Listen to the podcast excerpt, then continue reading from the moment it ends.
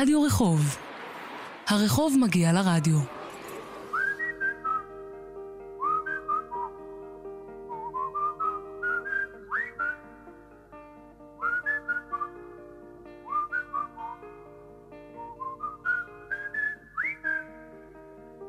שלום לך.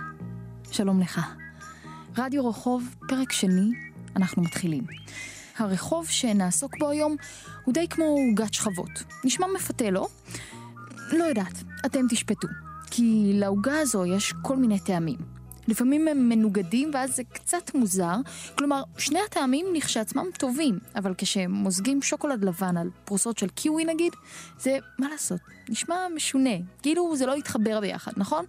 אבל אז חושבים על זה שוב, ואולי זה כן יתחבר? את זה נבדוק.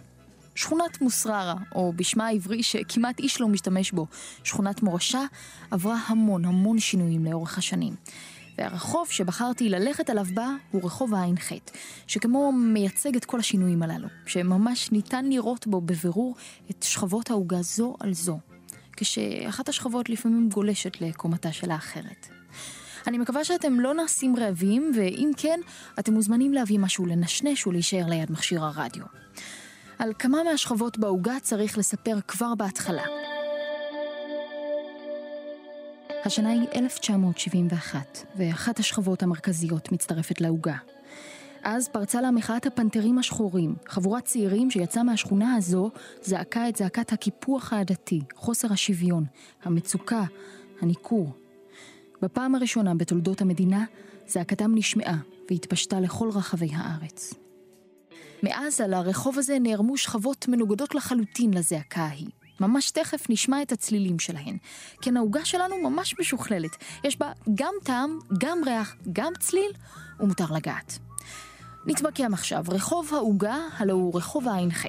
זהו רחוב די ארוך, שמצידו המזרחי מזרח ירושלים, שם מוסררה הערבית, ממערב בניין עיריית ירושלים.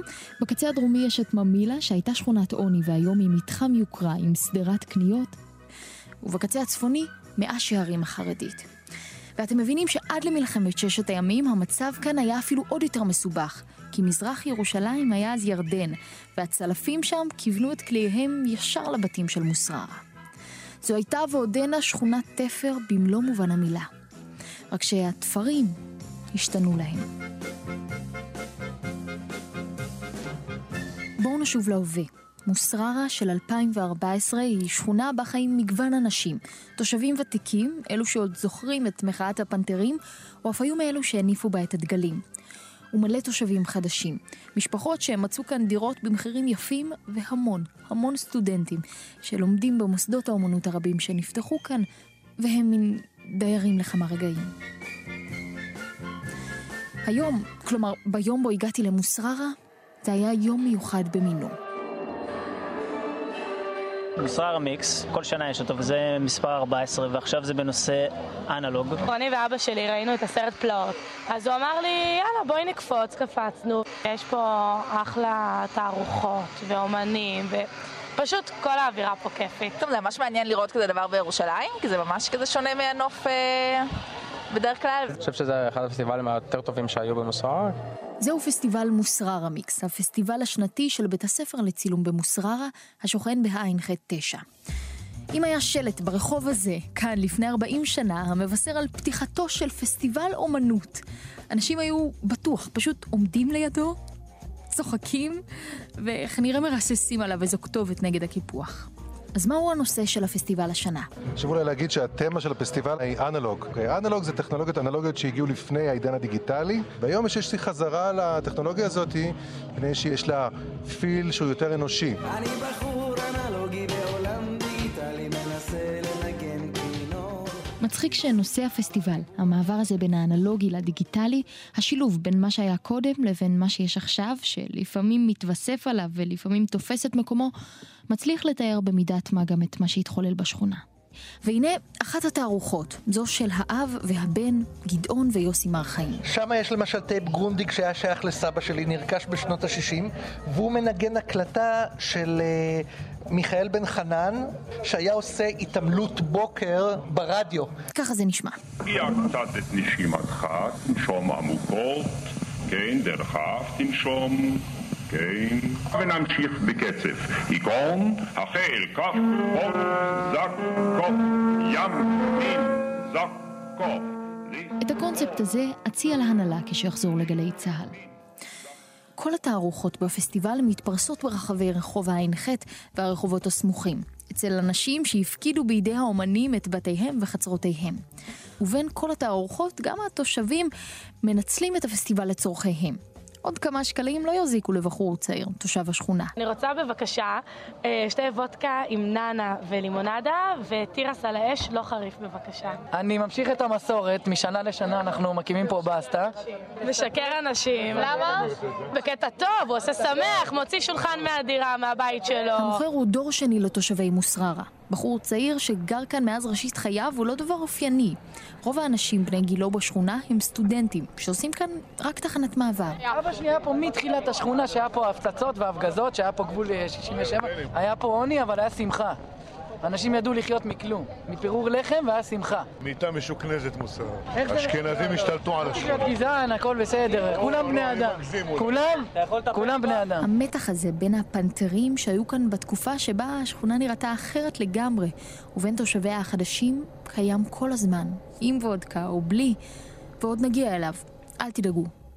עכשיו, רגע לפני שנתחיל את המסע ברחוב ובזמן, אגלה לכם מה היה הדבר שהכי הדליק אותי בפסטיבל. הוא לא קשור לשום מסר שאני מנסה להחדיר לכם. במעלה הרחוב ישב לו על הרצפה מחשב מיותם, כנראה גם שבור לב, שעשה באופן אירוני משהו את הדבר האחד שמחשבים עדיין לא יודעים לעשות טוב יותר מבני אדם. לשיר. Turn my whole world upside down, Layla. You got me on my knees, Layla. I'm begging, darling, please, Layla. אריק קלפטון, מתהפך במיטתו. Got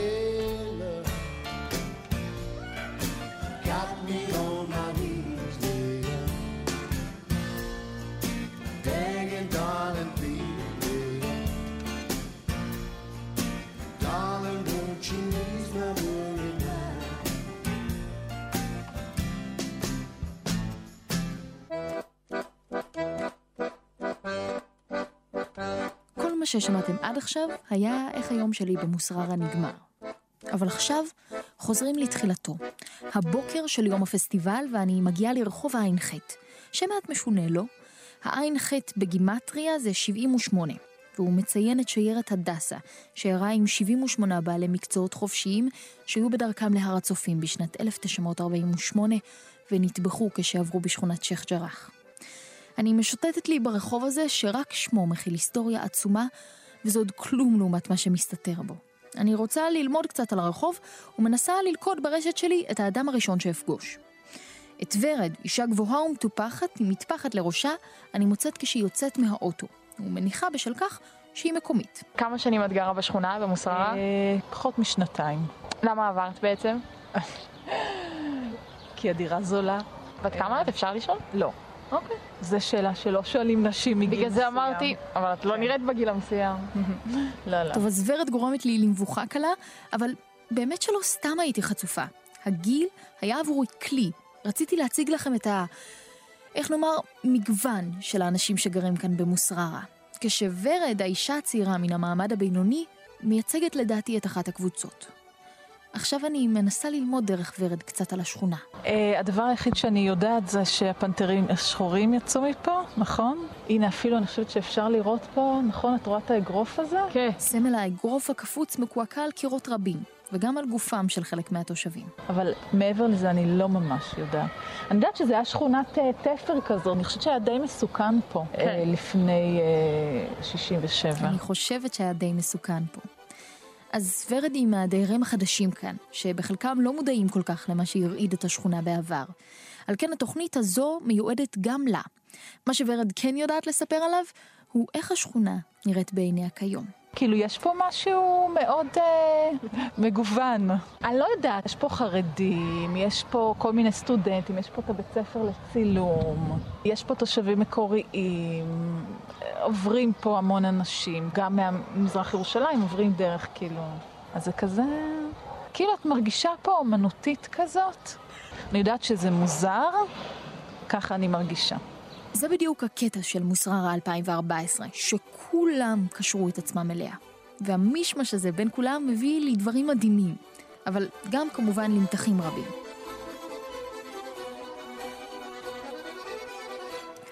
עם המידע הזה אני נותנת לוורד להמשיך לדירתה, והולכת לי במעלה הרחוב, שבקצהו מתחם המילה. אני עוברת ליד שלט שעליו כתוב סמטת הם לא נחמדים.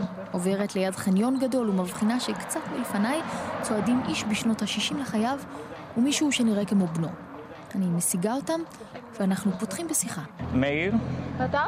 יעקב. אתה ה... מה הקשר ביניכם? רוחמי. מאיר הוא מה שנקרא מהוותיקים. המוסררה, אני עליתי בשנות החמישים לארץ, מאיפה? ממרוקו, ושם גדלתי את כל הילדות שלי. כלומר, את הפנתרים השחורים אתה מכיר. ודאי, את כולם אחד אחד. מכיר או היית חלק? לא, לא הייתי חלק, אבל מכיר אותם טוב. העובדה שמאיר מודה שלא היה חלק מהפנתרים מראה על יושר וכנות. כמעט כל אדם ותיק אחר שאפגוש ברחוב יגיד שהוא-הוא היה מראשי הפנתרים. זהו סמל סטטוס, סימן לכבוד. אף אחד הרי כבר לא באמת זוכר מה בדיוק היה. איזה פעילות אתה זוכר של הפנתרים? הפנתרים, הם היו מתארגנים ב...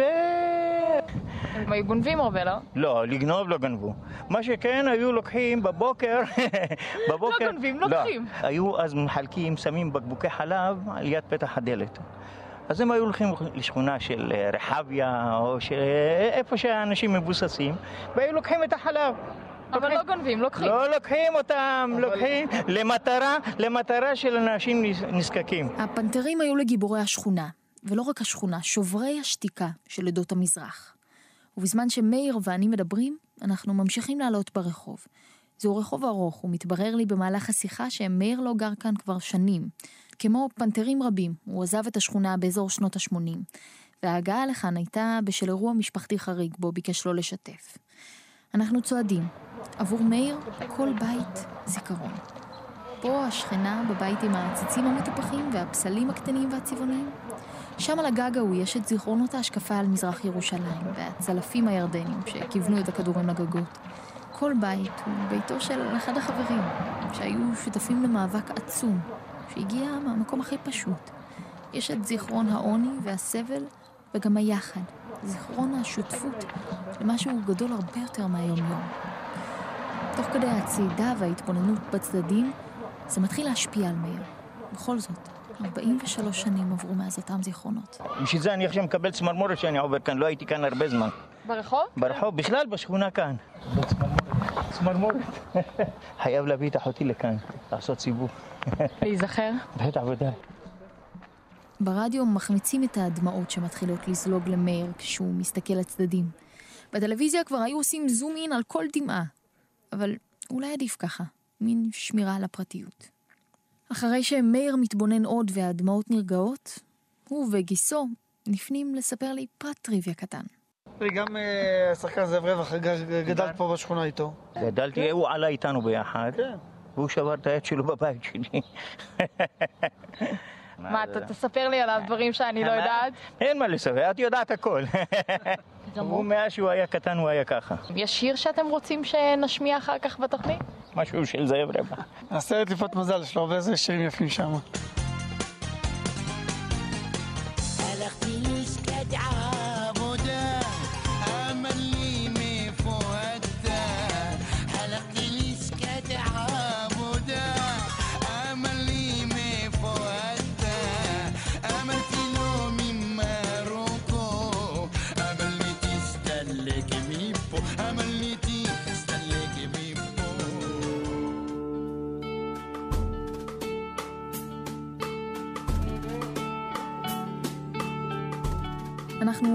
באותו היום.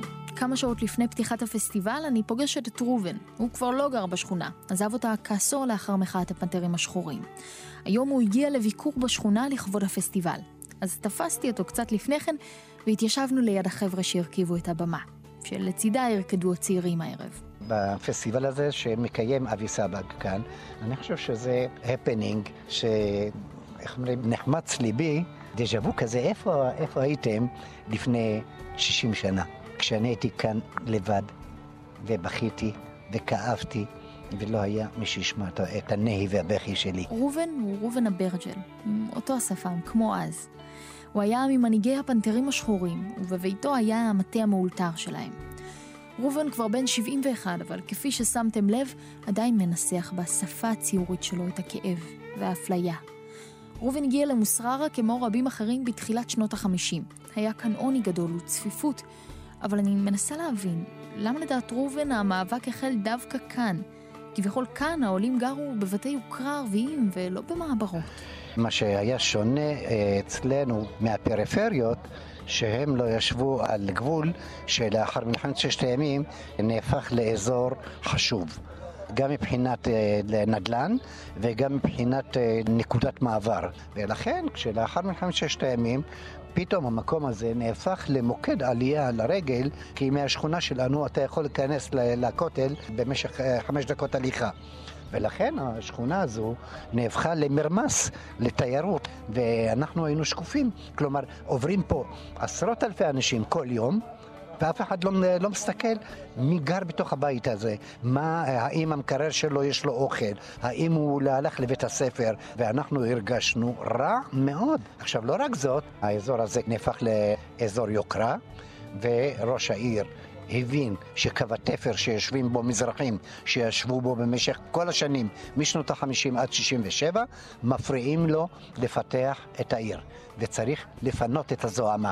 זו הגרסה של ראובן, ויש עוד המון. בשיחות עם אחרים אפשר לשמוע פרשנות אחרת, שמטרת הפינוי הייתה לשקם את האזורים המוזנחים, ושלא הייתה כוונה לפגוע בתושבים. ויש עוד כל כך הרבה פרשנויות, סיבות למה שהתרחש, ויכוחים על הפרטים הקטנים. בפועל, בתחילת שנות ה-70, תחילת המחאה, חלק מן השכונות הסמוכות כבר החלו להיות מפונות מתושביהן. קחו לדוגמה את ממילה השוכנת מדרום, שמצבה הפיזי היה אף גרוע מזה של מוסררה. היא הפכה ממש לאי חורבות לאחר כל המלחמות שעברו עליה. ולאחר פינוי התושבים והשיקום, הפכה למתחם קניות יוקרתי. כל השכונה ההיא פונתה, נהרסה ונבנתה מחדש. במוסררה חששו שעתידם יהיה דומה. וזה היה רק עוד אחד מהתמריצים להתחיל את המחאה. בסופו של דבר מוסררה לא פונתה, ובתיה לא נהרסו, אלא עברו שיפוץ במסגרת פרויקט שיקום השכונות. אבל עובדה שהיום, כשאני מתהלכת כאן, רבות מהדירות מאוישות על ידי אותם תושבים חדשים. ויש לזה הסבר הגיוני. הנדל"ן. בתהליך מתמשך הפכה מוסררה משכונת תפר מסוכנת לשכונה נחשקת ביותר. ואם לבעל הבית לא היה מה לאכול, אבל הדירה שלו הייתה פתאום שווה מיליון, אז ברור שהוא העדיף למכור ולעבור. וזה מה שקרה לרבים. ראובן, שכמו רבים מחבריו להנהגת הפנתרים לא גר כאן כבר שנים רבות, ואני ממשיכים לדבר ומתבוננים בנוף. אבל כשראובן מסיט את ראשו, כפי שעשה פעמים רבות בילדותו, לכיוון מזרח ירושלים, הוא לא יכול לראות דבר. חומה גבוהה הושמה כדי לחצוץ. איפה שגרים מזרחים, ברגע שהג'נטריפיקציה נכנסת, מיד הם בונים חומות. הם בונים חומות שגם משת... עוד מעט תהיה פה גם משטרה פרטית, אל תדאגי. ג'נטריפיקציה היא אולי מילת המפתח. ג'נטריפיקציה היא תהליך שבו יש חדירה של אוכלוסייה מהמעמד הבינוני והגבוה לשכונות חלשות במרכזי ערים. תוך כדי התהליך הזה יש שינוי מתמשך של אופי השכונה. הבתים עוברים שיפוץ, העסקים מתחלפים, והנדל"ן כמובן עולה. זה לא הסיפור של מוסררה בלבד, אלא הסיפור שקרה ועוד קורה במקומות נוספים בארץ. האם זה טוב או לא, תלוי את מי שואלים. השכונות הקשות עוברות שיפוץ, הופכות להם מוקדי משיכה, שלרוב עדיין בתחילה זול בהם יותר מבמקומות אחרים. אבל מה לגבי התושבים המקוריים? המדינה נבנתה על אדנים גזעניים שמבחינה בין היהודים האירופאים לבין היהודים שבאו ממדינות ערב וכל מי שרוצה לדעת מה המדינה חשבה עלינו שיקרא את העיתונות של שנת 1949 שאף יהודי ממדינות ערב עדיין לא נחת בארץ ישראל. אבל ב- עכשיו ב- לא 49. אה, זה נכון. והמדינה עוברת תהליכים. ממש את מתוקה והמדינה הזו גם כן מתוקה. אחרי שקוברים אנשים אומרים אבל אה, זה היה מזמן. אבל אנשים קבורים בתוך הריסות חייהם. והיום דור שלישי שלא שולט בשפה העברית בקושי. היום דור שלישי שהוא לא מגיע לבגרויות. היום דור שלישי שהוא לא מגיע לאוניברסיטאות. אה, הסיכוי היחידי שלו אולי להגיע למכללה. איזו כריזמה יש לו למנהיג לשעבר. אני בטוחה שאתם הצלחתם להרגיש בעוצמתה אפילו רק דרך מכשיר הרדיו. אז דמיינו מה זה לראות זאת פנים מול פנים. היום הקשר שנותר לראובן לשכונה הוא סיורים שהוא מעביר כאן למבקשים לדעת ולהתרשם.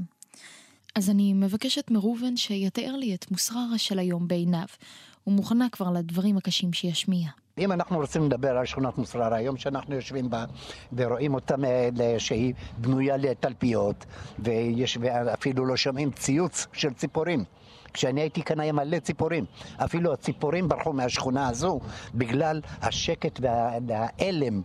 ההלם באלף של התושבים שמכונסים בתוך ביתם וסגורים. כשאנחנו גרנו פה בשכונה, מאות ילדים היו ברחובות.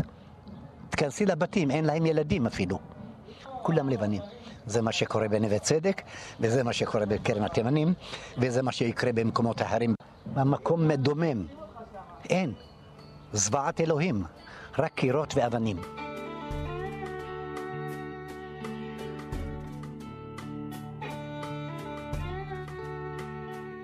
ראובן הולך עכשיו לסייר בין תערוכות הפסטיבל, אלו שכבר עומדות על הרגליים.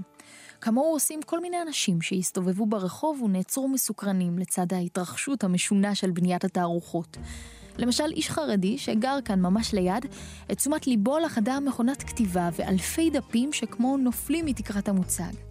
אנחנו משוחחים, הוא לא מסכים למיקרופון, ואומר שהוא בהחלט מתרשם, שזה נשמע מרתק והוא מרוצה כי נשמע שיצרו כאן אחלה של פסטיבל. גם ילדים עם ילקוטים על הגב אני פוגשת. הם גרים באבו תור שבמזרח ירושלים ולומדים במערב. כל יום הם מחכים כאן ברחוב הזה להסעה שתחזיר אותם לביתם. וגם הם מאופנתים מהמתרחש. אדם נוסף אני רואה מתבונן במיצגים. נותן הערות, מה לשנות, את מה להזיז קצת לשם. זהו אבי סבג, מנהל בית ספר מוסררה לצילום. לא יודעת איך שאני רואה אותך מנהל, וגם ראיתי אותך קודם כשהגעתי, אתה בשטח, אתה לא נסתר בתוך המשרד שלך ונותן הוראות. ממש לא. אתה מכיר את כל התלמידים? אני מכיר את כל הסטודנטים ואת כל הבוגרים, יאללה. ואת רוב תושבי שכונת מוסררה וכל משפחה ברחוב הע"ח. אבי סבג יסד את בית הספר לצילום מוסררה ב-85. מאז בית הספר התרחב וכבר 14 שנים שהוא מעלה את הפסטיבל, המושך אליו אומנים מכל רחבי העולם. אני באה אליו עם דבריו הקשים של ראובן שעוד מהדהדים בראשי, ומנסה לקבל הסבר. איך הוא רואה את השינוי שעברה השכונה? מה עם התושבים המקוריים? ובלי שהשתמשתי במילים המדויקות של ראובן, הוא הבין למה אני מתכוונת. לשאלתך, השכונה לא עברה ג'רניפיקציה. ע"ח ברובו הוא רחוב שגרים בו תושבים ותיקים של השכונה, ואנחנו שמחים על כך מאוד. הרעיון היה להפך, לשמור על הקשר עם התושבים, וחשוב לנו שהתושבים הילידים וילדיהם והדור הבא יישארו בשכונה. ושהיא לא תהפוך להיות מין אה, שכונת, אה, שכונת יוקרה אליטיסטית. ואחד הפרויקטים הראשונים שעשינו היה אה, פרויקט שקראנו לו הפנתרים השחורות. עכשיו, הפרויקט הזה היה פרויקט שבעצם הציב לראשונה את הפנתרים השחורים כגיבורי תרבות. וכאן מתחיל הדימוי וההתייחסות לשכונה, הם מתחילים להשתנות.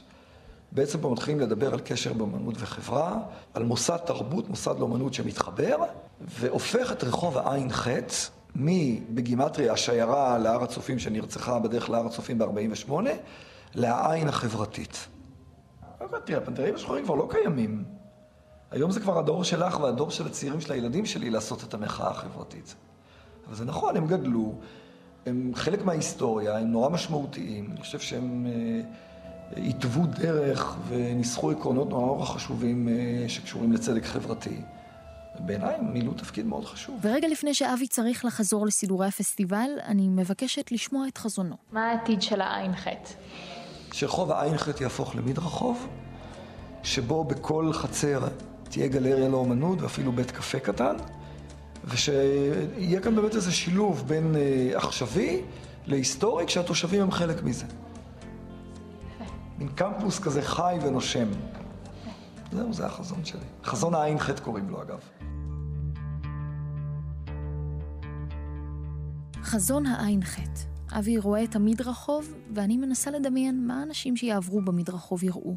הם לבטח ירימו את המבט, ויסתכלו על הבתים העתיקים והמשופצים. כמעט לכולם יש מרפסות קטנות. חלקן פשוטות, חלקן מעוצבות, בעציצים, בפסלים קטנים וצבעוניים. יש את החרדי עם השטריימל שמשוחח בטלפון במרפסת אחת, יש את הסבתא, נקרא לה ז'קלין, שיושבת עם חברתה אהובה על קפה במרפסת אחרת, יש את הצעיר עם הסיגריה, שלוקח את הזמן להירגע מחיי היום-יום, ויש עוד ועוד מרפסות. כל מרפסת מסמלת עשור אחר בשכונה. ועל המדרחוב שעוד לא נבנה, עליו בטוח יהיו מלא מלא פסיפסים.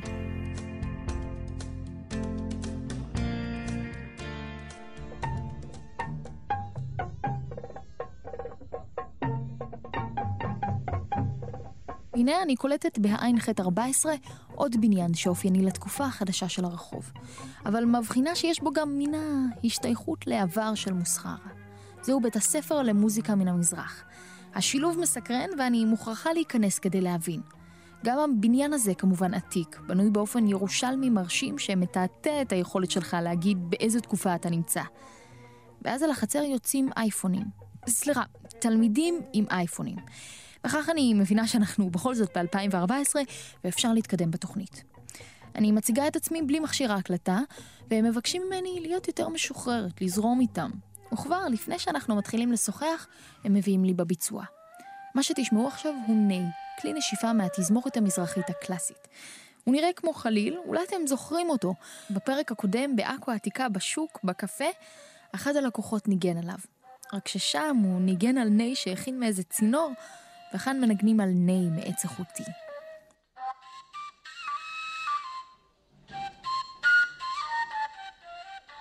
זאת זאת למשל, קוראים לבחורה הזאת ליליאן בצלאל, היא עמוד התווך של המוזיקה המזרחית מן המזרח, במרכז למוזיקה מן המזרח.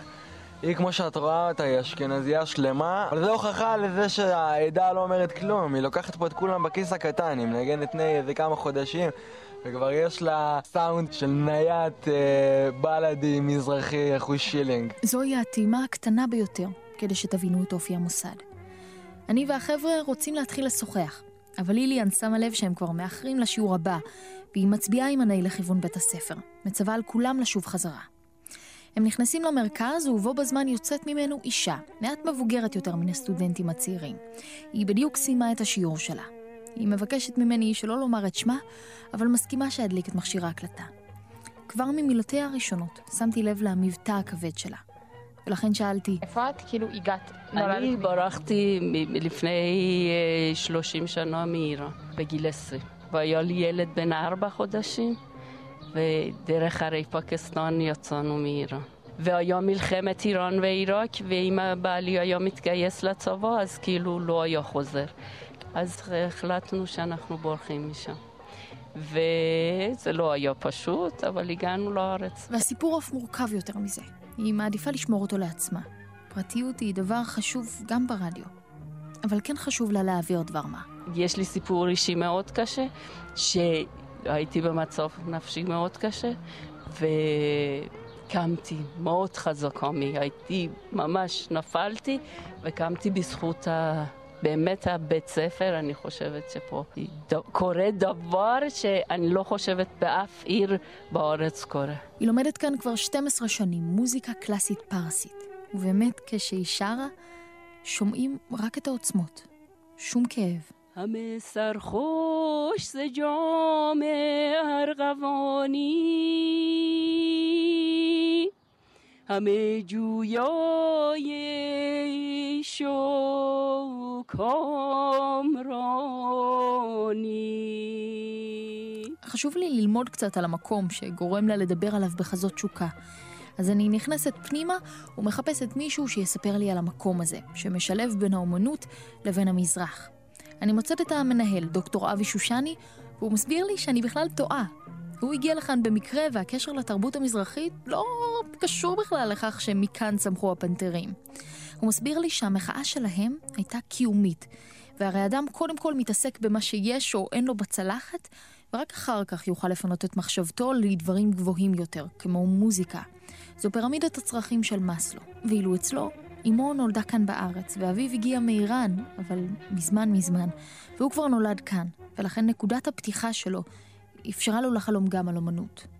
הוא מציע לי להיכנס לשיעור ולצפות, אבל אני, מרוגשת מההצעה, גם קצת מובכת, כי אני לא באמת יודעת מהי מוזיקה קלאסית מן המזרח. מדובר במוזיקת חצר, ווקאלית ואינסטרומנטלית, שהפכה להיות למוזיקה הקלאסית המזוהה עם אליטה של ארצות מסוימות במזרח. אני רק אומר שהיה לי קושי גדול להנחיל ולהטמיע את המושג מוזיקה קלאסית מהמזרח, כי המונח קלאסי יוחס רק למערב. הנה זו דוגמה פשוטה בכדי להראות כאילו יש כאן אנשים שבאו ממקום קלאסי, גבוה, ובאו אנשים שאין להם את זה, שהם משוללים. ועכשיו מצוידת במידע, אני פותחת את דלת השיעור של אלעד. אני פוגשת את החברים שרכשתי לי קודם לכן ומתיישבת בשקט על מנת ללמוד. אני מנסה להידמות לזבוב על קיר, אבל המורה אלעד עוצר את השיעור. כי יש משהו על ליבו שחשוב לו להדגיש.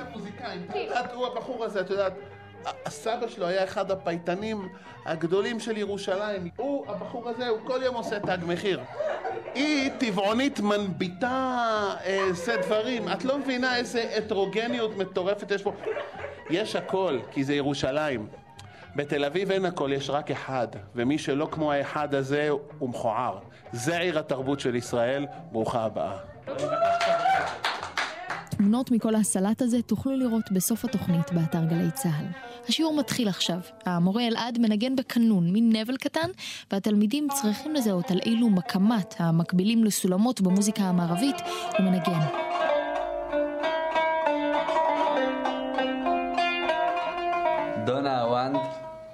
סבא ללה, עג'ם אלפה. דורסט לסבא. אני לא מבינה כלום בסבא ובסולטניאגה, ומרגישה די טיפשה. אלא שאז נכנסת לכיתה מישהי שמפרה את ההתרכזות שלי בבורות שלי, ולוקחת גם את תשומת הלב של כל התלמידים. את רואה? אמרתי לך הטרוגניות?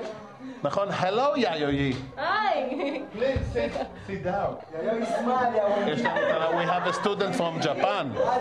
You're from Japan? כן, כן, אני מיפן. אז רגע, למה הגעת לכאן מיפן? כי אני שרה לדינו. שרה לדינו? כן. I met Ladino song uh, th- three years ago. Uh, very, very impressed to my heart the melody of Ladino, and I determined to uh, singing Ladino in Japan. כן. אז הנה, הופעה חיה של יאיוי. Y te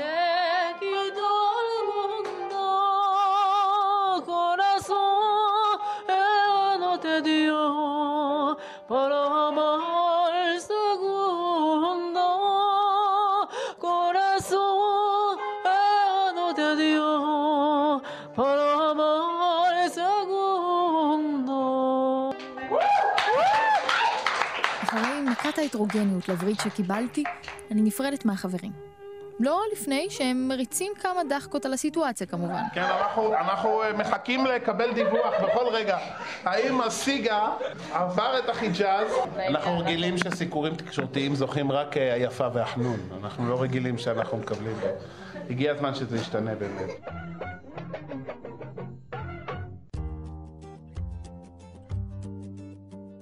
אני יוצאת חזרה על הרחוב. הוא משמש לא רק את התושבים בשכונה, אלא גם עוברים ושבים. ויש הרבה כאלה. ביניהם, כפי ששמעתם כבר קודם, כאלו שעושים את הדרך בין מערב העיר למזרח. So what's your name? Uh, רודין. And how old are you? 18. לרודין ולי אין שפה משותפת מלבד האנגלית. היא לומדת באוניברסיטה במזרח ירושלים וגרה במערב. היא עוברת כל יום ברחוב הזה כדי להצליח בלימודי התרפיה בדיבור שלה. וכמי שעוברת ברחוב כל יום, אני רוצה לשמוע מה היא יודעת עליו. I think that in the past days uh, Arabs were living here because because the the buildings showed this. What in the buildings? Well, the buildings are not like uh, the buildings of the old city inside Jerusalem. They are separate. אז רודין מזהה רק לפי החושים את הבתים הייחודיים שכאן. הם נבנו בסוף המאה ה-19 עם היציאה מחומות ירושלים לשכונות החדשות. בתקופה ההיא, שעד מלחמת העצמאות, זו הייתה שכונת יוקרה ערבית. ועם רודין אני מתפנה לצאת קצת מהמשבצת הקטנה והייחודית של הע"ח אל כל ירושלים. I simply love Jerusalem. Even though it's like it's a difficult place, I mean, we now talk and it's it's it's a bit strange maybe, or there are like Haredim and, and Arabs and everyone living together. Well, this is normal about Jerusalem since like old days, and we are are brought up to live together peacefully and so on. כל המורכבות של ירושלים, של מגוון הדתות והאידיאולוגיות, נראית לה מובנת מאליה. כך זה תמיד היה. אבל למרות האחדות והאידיליה שרודין מציגה, היא מבקשת להביא עוד רובד שהיא רואה בעיר כערבייה נוצרייה. Well, the the main difference is between Jewish and Muslims and Christians together. All right. The, the two sides, but um, the main difference between Christians and Muslims is that Christian they think that they treat Christians better than them. The Muslims רודין מסבירה שהפער העיקרי הוא אמנם בין היהודים לבין הערבים, המוסלמים והנוצרים כמקשה אחת, אבל מה שמציק לה במיוחד הוא שהמוסלמים חושבים שהיהודים מתייחסים אל הנוצרים, והיא בתוכם טוב יותר. לדעתה זה בכלל לא נכון, כי להם נותנים לקיים את החגים שלהם, ולנו היא אומרת לא. כמו בחג הפסחא האחרון, בו רצינו להגיע לכנסיית הקבר בשביל טקס האש הקדושה, ולא יכולנו, בגלל המחסומים. עכשיו כמובן, אני חייבת לשאול את שאלת השאלות. Do you think that there's gonna be peace? Do you, do you see an end to this?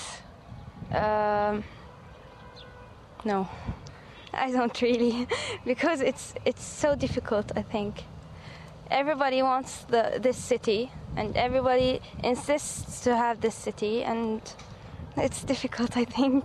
אז יש שלום? לא. לדעת רודין זה חלום מתוק מדי וקשה מדי להשגה, כי כולם רוצים את המקום הזה. רודין צריכה לחזור הביתה ולהכין שיעורי בית וכמה עבודות. היא תצא מהרחוב המשונה הזה אל רחובות משונים אחרים. ככה זה כנראה בירושלים. הכל מורכב כל כך.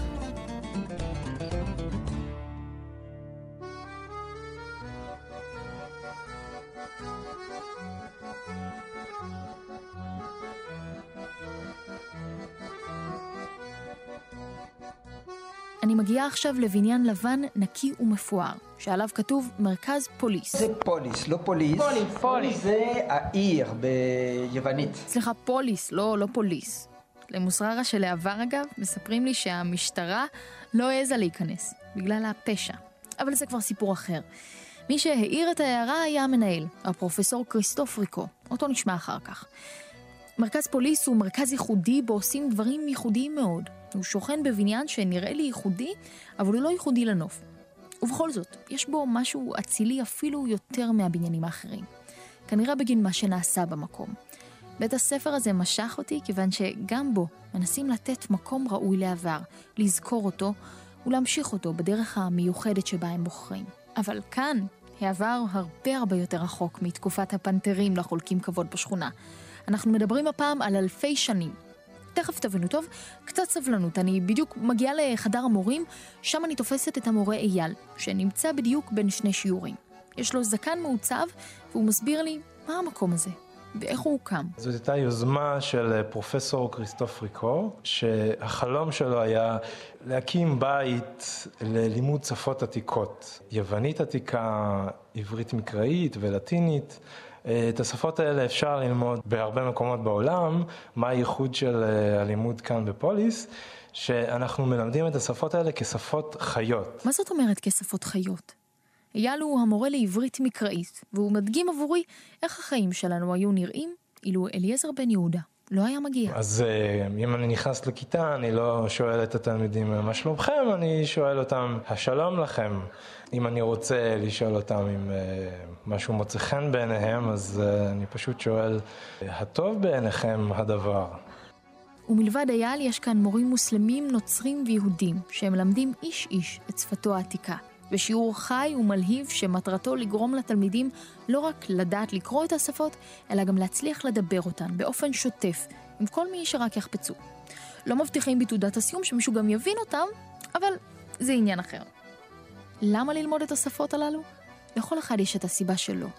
יש את הסיבות ההגיוניות יותר, ויש אנשים שפשוט יש להם תשוקה עזה, והם מרגישים שלא יוכלו להמשיך בחייהם בלי לדעת יוונית עתיקה. כאלו בדיוק אני פוגשת בספרייה. המנהל, הפרופסור כריסטוף ריקו, לוקח אותי אליה. המקום נראה בדיוק כמו הספרייה של הארי פוטר. כריסטוף המנהל ושלושה תלמידים שכל אחד מהם בא מיבשת אחרת, מתחילים לנהל שיחה בשפה הכל כך מוכרת להם. זו זוכה להיות הפעם הראשונה עד כה בתוכנית, שבה אני פשוט יושבת ושותקת. Hemeis en tautete koinonia ten heleniken manthanomen laluntes. אלוי ללוסן קלוס קאי... לא, זה ממש בסדר, לא, לא מפריע לי בכלל להישאר מחוץ לשיחה. תמשיכו. Was I just witnessing one of the the only last conversations in ancient Greek in the entire world? Absolutely not. It is one of the first, the first of a long series. Our wish is that in the near future, many people will start talking Greek. I mean, it is only the beginning. It is not the end. בעתיד הקרוב, איך שהוא רואה אותו, רבים יוכלו להלך ברחוב ולזרוק זה לזה הערות בשפות שכביכול כבר פסו מן העולם. וגם יבינו אותם. אני בעד החזון הזה, שניתן לראות אותו גם אצלנו בארץ בדרך כזו או אחרת, עם המילים שיוצאות מפי ממש עכשיו אפילו. אז אני עוזבת את ספריית הארי פוטר הזו, ותוהה, האם אמצא עוד אנשים שמנסים לשמר בדרכם שלהם דברים שהיו בעולמנו לפני שנים.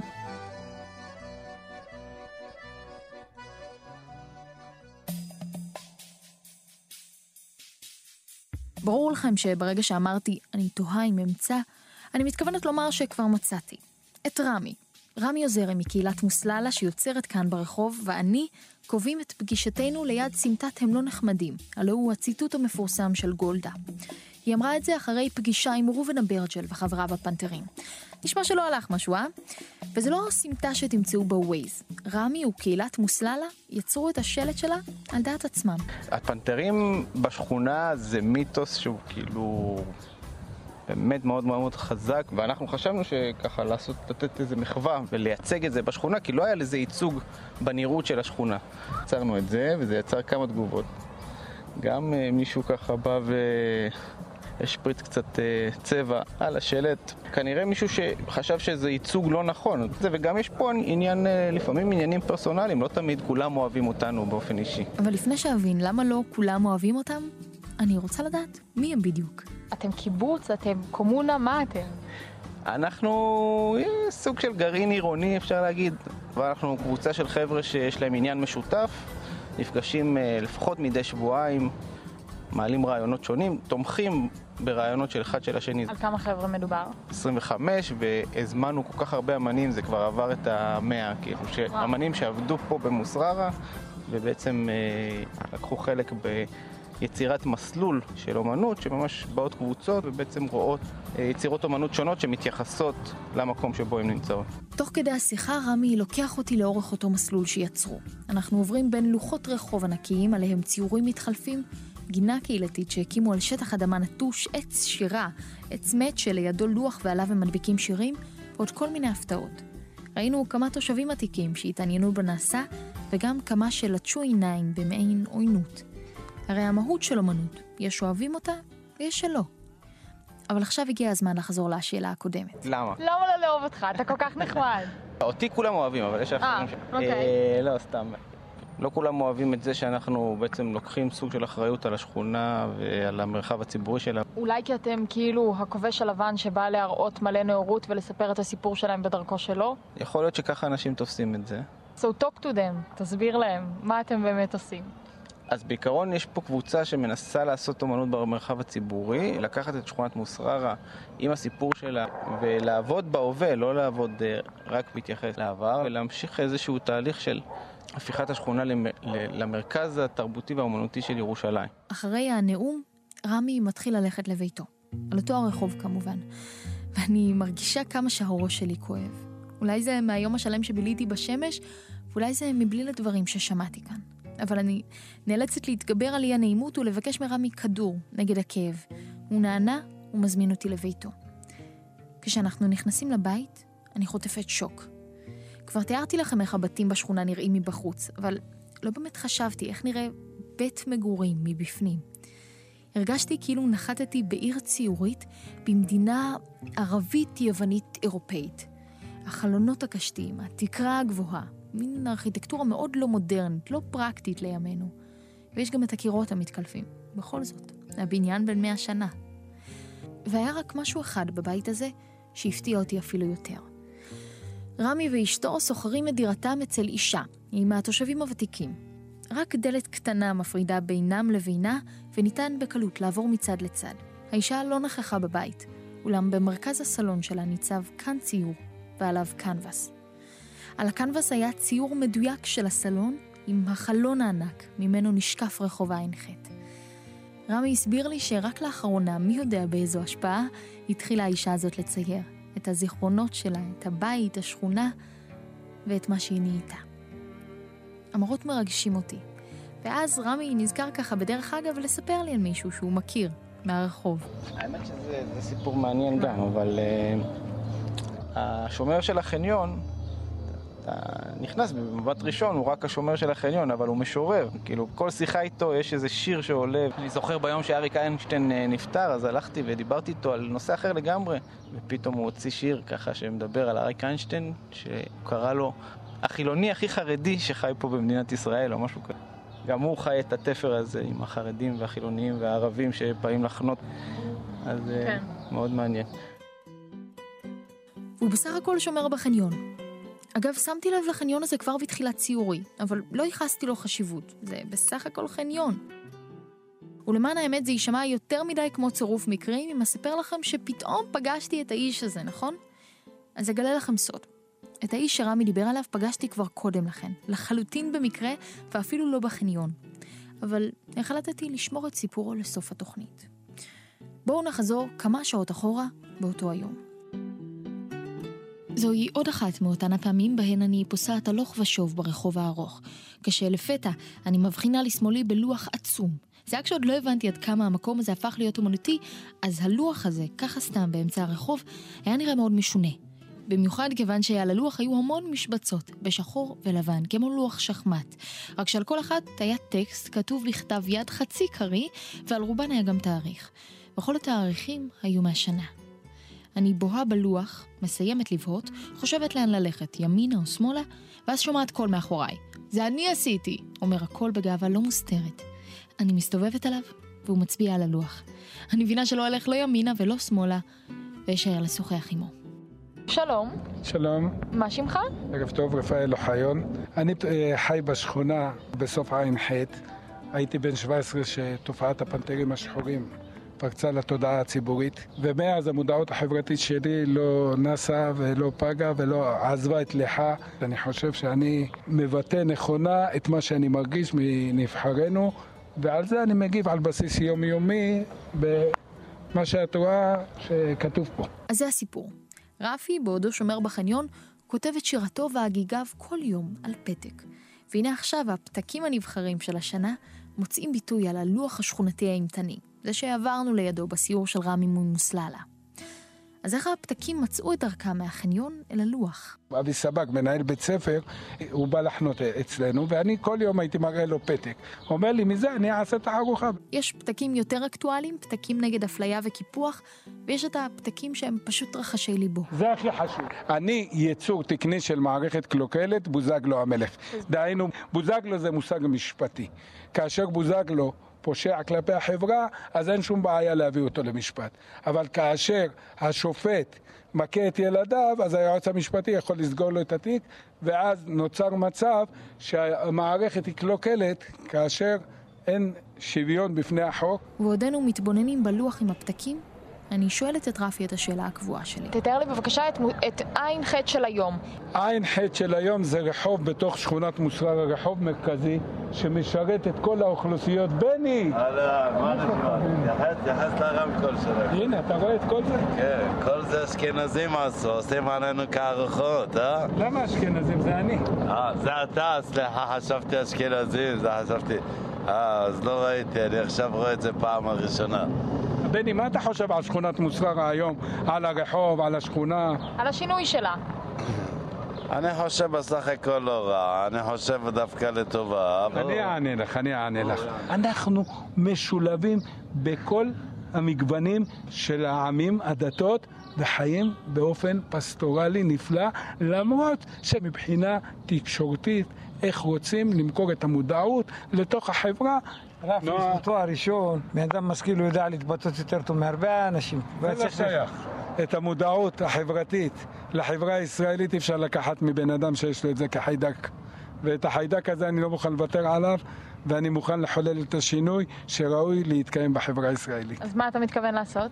אני חושב סטיקר יומי שהמנהיגות הפוליטית בישראל תתחיל לקלוט שחתולי רחוב שהפכו לממסד ישראלי וראוי להערכה, שיתחילו להתייחס אלינו. אנחנו לא שוליים של אף אחד, ואנחנו הזרם המרכזי שיובילו את החברה הישראלית, ואם לא אנחנו, אז הילדים שלנו והדור השני והשלישי לא יוותר לחברה הישראלית עד שלא יתחולל השינוי של שוויון הזדמנויות בחברה הישראלית שהוא ראוי לאנשים.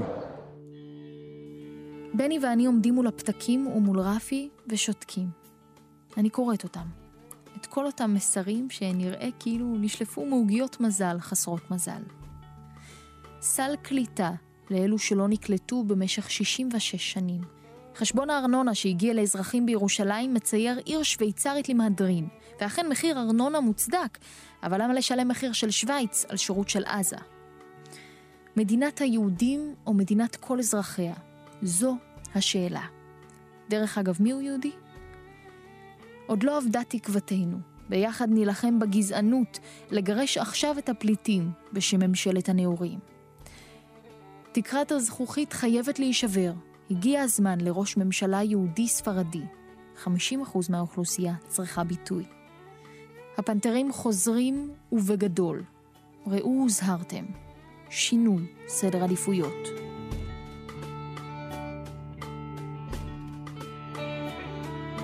אני נשארת עוד זמן מה מול הלוח הגדול, ואז עוזבת את מוסררה לכיוון התחנה המרכזית בירושלים. צריך לחזור הביתה. בתחנה המרכזית, כשכבר חשבתי שסיימתי את המסע, אני פוגשת את איציק אטיאס, עוד פנתר לשעבר. גם הוא אומן וגם עובד החזקה בתחנה כבר שנים רבות. לפני כמה שנים היה לתחנה מנהל נחמד שאמר לו, בוא, תצייר בלילות, תעשה את האומנות שלך. אז איציק עבד לילות על לילות, וכך בקומת עצירת האוטובוסים למשל, תוכלו למצוא תבליט עצום של ירושלים, עשוי כולו מחומרים ממוחזרים שאיציק מצא. כשאני מגיעה לקומה העליונה, בדרך לתפוס אוטובוס לצפון, אני רואה ציור של רחוב. רחוב מוכר. זה חטא, איציק מספר לי. הציור רק דומה חטא, רק קרוב למציאות. איציק מציג בו את חטא שלו, איך שהוא היה רוצה לראות אותו. ונראה שרבים עושים זאת בשכונה, בין אם בציור ובין אם ביצירה בשטח. אבל העין חטא של איציק הוא באמת אחר. זה מין רחוב מושלם. בציור הרחוב נקי לגמרי, כל הבתים נראים בדיוק אותו דבר, בלי חצי קומה שהוסיפו כאן ומרפסת אחת מקושטת לעומת אחרת מוזנחת. אין אף אדם ברחוב. יש שקט. אין ציפורים. אין חששות. אין ויכוחים. אידיליה. רחוב הע"ח האוטופי של איציק נשאר תלוי לו בתחנה. ועכשיו נותר רק לחכות ולראות מה יקרה לרחוב הע"ח. באמת.